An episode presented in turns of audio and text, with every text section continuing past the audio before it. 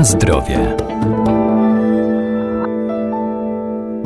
Moda na zdrowy styl życia, na bycie fit spowodowała, że wiele osób zmienia swoje nawyki żywieniowe, a jest wiele metod odchudzania, mniej i bardziej zdrowych. IF, czyli przerywany post, jest bardzo popularny wśród osób, które chcą redukować masę ciała, a nie mają czasu na przygotowywanie posiłków. Co jeszcze warto o nim wiedzieć?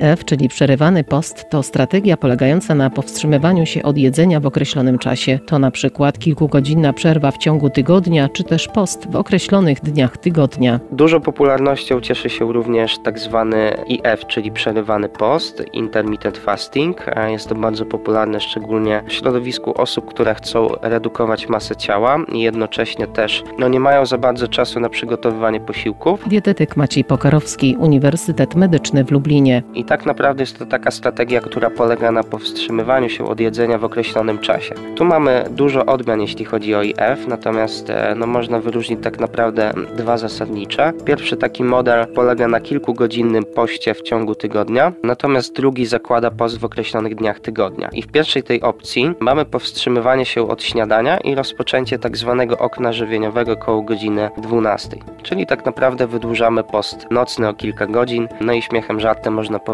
że niejedzenie po 18 jest to jakaś forma tego przerywanego postu. Praktycznie polega to na tym, że osoba e, może spożywać od jednego do dwóch posiłków w ciągu dnia i są to posiłki objętościowo bardzo duże. Prowadzi to do tego, że wytwarza się deficyt energetyczny, przez co może nastąpić redukcja masy ciała. E, jeśli chodzi o tą drugą opcję, to mamy co drugi dzień, dzień postny tak zwany, lub dwa dni w tygodniu można sobie też e, wybrać, żeby był ten taki dzień postny, natomiast w tym akurat przykładzie mamy ograniczenie kaloryczności do 20%, czyli też można zrezygnować całkowicie, natomiast e, zakłada się do 20% dziennego zapotrzebowania na kalorie, żeby te posiłki pokrywały.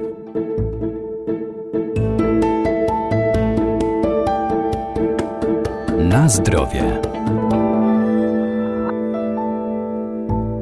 Dieta IF, czyli przerywany post, nie jest wskazana dla każdego, zwłaszcza powinny jej unikać osoby związane na co dzień z intensywnym wysiłkiem fizycznym. Również tutaj mamy odnoszenie się do postu, jakoby on korzystnie wpływał na procesy metaboliczne. Dużo było przeprowadzonych badań, e, szczególnie znowu na gryzoniach, natomiast no też skrajnie nieetyczne byłoby robienie takich badań na człowieku. Natomiast jest to tak naprawdę wygodne narzędzie, jeśli chodzi o osoby, które nie mają czasu na przygotowywanie posiłków posiłków. Jest to rozwiązanie w kontekście odchudzania, ponieważ jeśli rozmawiamy o budowaniu e, masy mięśniowej, no to wówczas taka strategia może okazać się nieskuteczna, ponieważ tutaj no, istotniejszy jest odpowiedni dowóz e, białka w ciągu dnia w 3-4 posiłkach. Natomiast w tym intermittent fasting mamy tak naprawdę czasami jeden do dwóch posiłków w ciągu dnia i wszystko tak naprawdę kręci się tutaj wokół odpowiedniego deficytu energetycznego, który jest najważniejszy w procesie odchudzania.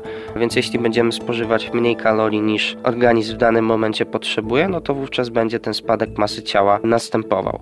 Prawda jest jednak taka, że poza tą wygodą, jeśli chodzi o małą ilość posiłków, czyli też spędzamy mniej czasu na ich przygotowywaniu, no to również jestem zdania, że najlepszym rozwiązaniem jest odpowiednio zbilansowana i konwencjonalna dieta.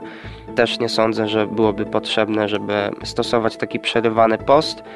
Chociaż prawda jest też taka, że najlepsza dieta jest taka, którą jesteśmy w stanie przestrzegać, e, więc jeśli osoba odpowiednio też stosuje ten e, intermittent fasting, czyli IF, e, również może mieć odpowiednie efekty, natomiast wciąż będę zwolennikiem tym, żeby odpowiednio skomponować tą dietę. Jeśli natomiast występują z tym problemy, no to warto też udać się na wizytę do dietetyka, żeby mógł odpowiednio zbilansować jadłospis.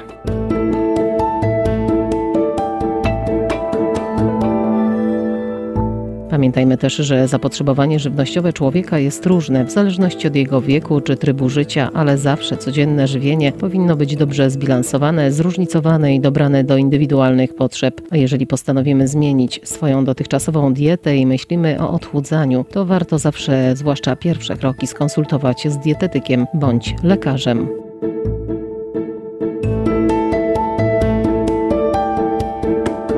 Na zdrowie.